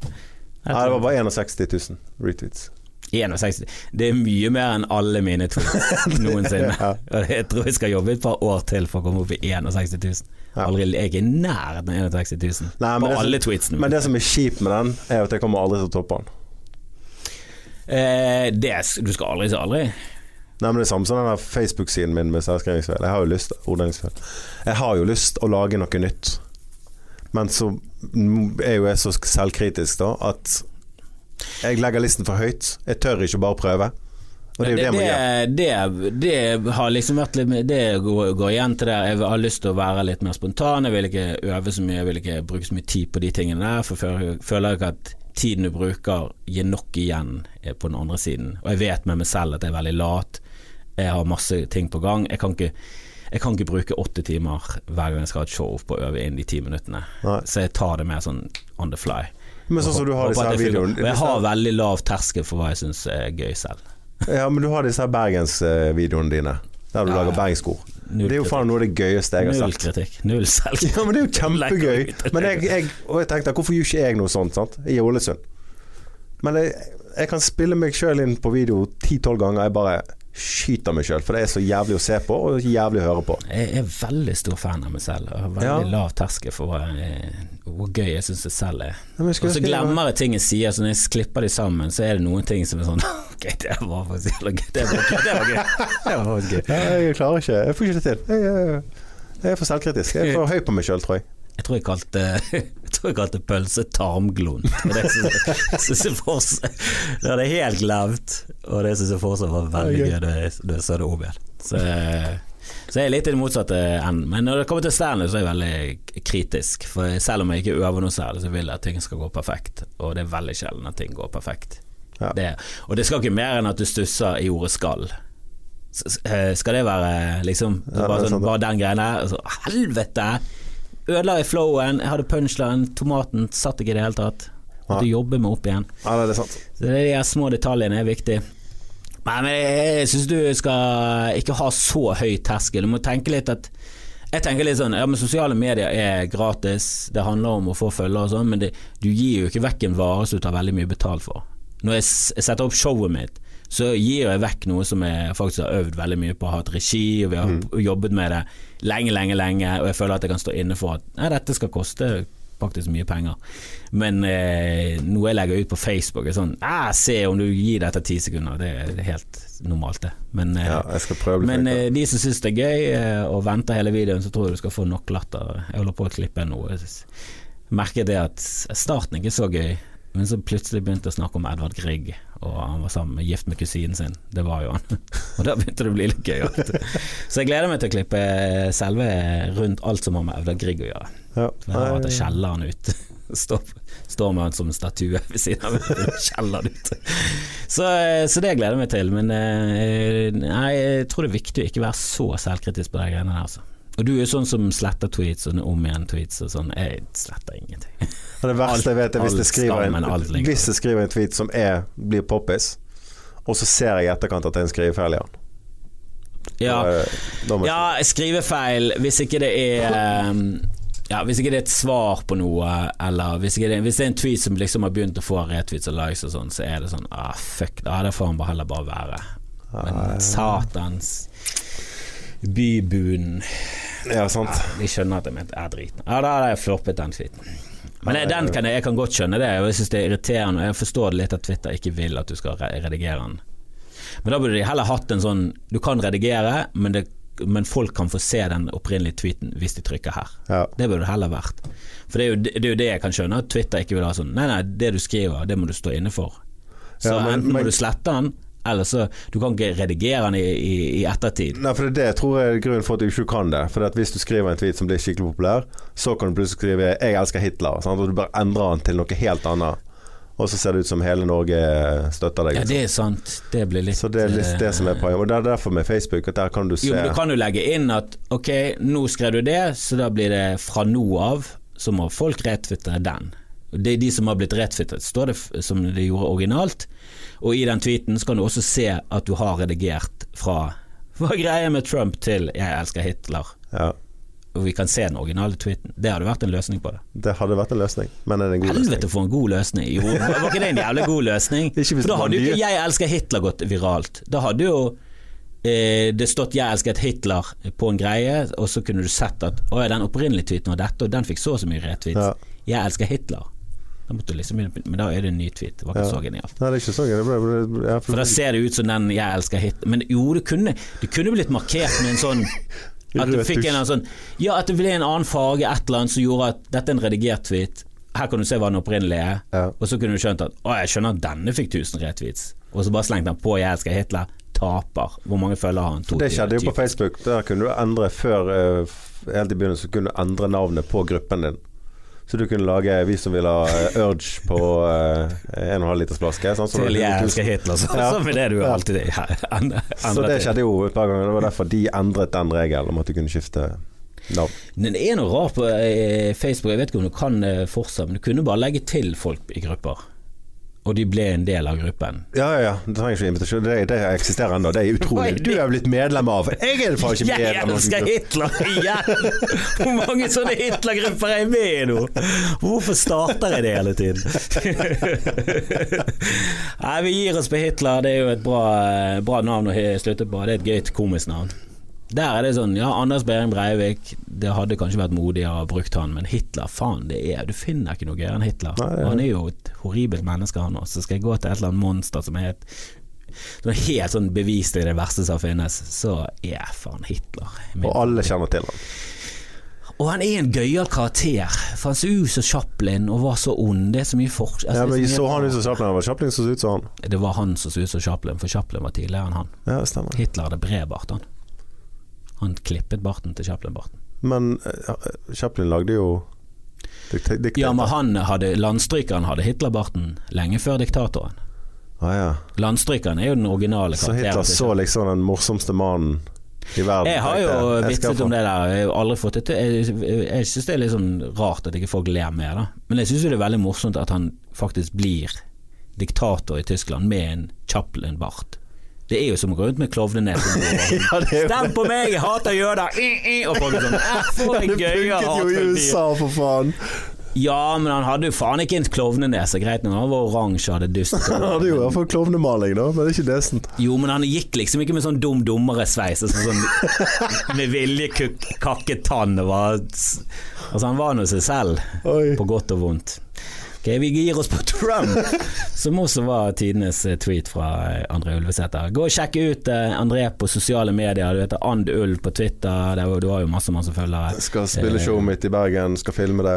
Ja, det, det, det må vi få til. Vi Vi kan være med på produksjonssiden og hooke det opp med de riktige folkene. Og trenger ikke å ta noe særlig ut av budsjettet, for vi var i møte med de i går. Det er ikke så mange billetter du skal selge før du har dekket produksjonen. Så da kan du få et fiks ferdig show på for en billig penge som jeg håper blir eh, jævlig bra. Eh, 7. september, tror hat 7. september skal jeg filme. 10. oktober var det vel vi fant ut at du skulle filme. Nei, Jeg vet ikke om jeg, jeg leder jeg kan ut.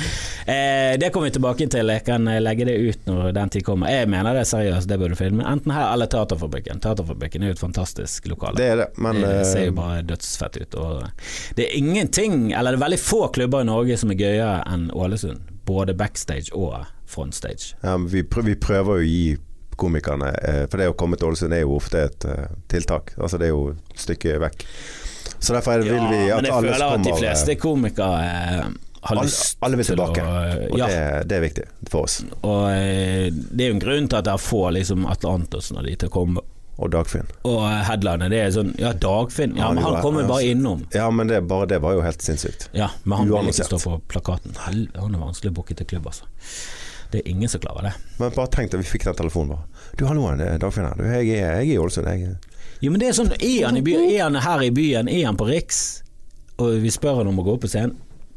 Han, jeg tror ikke han har sagt nei én gang. Det er liksom Ja, jeg kan gjøre ti Og det elsker jeg. Jeg Og når elsker han kommer inn eh, på scenen, det er Beatles. Det er Beatles. nærmeste men jeg elsker, jeg elsker Nå fikk ikke vi slutte på Trump heller, men jeg elsker at komikerne ikke glemmer hvor de kommer fra. Saddam Hussein! Klikk.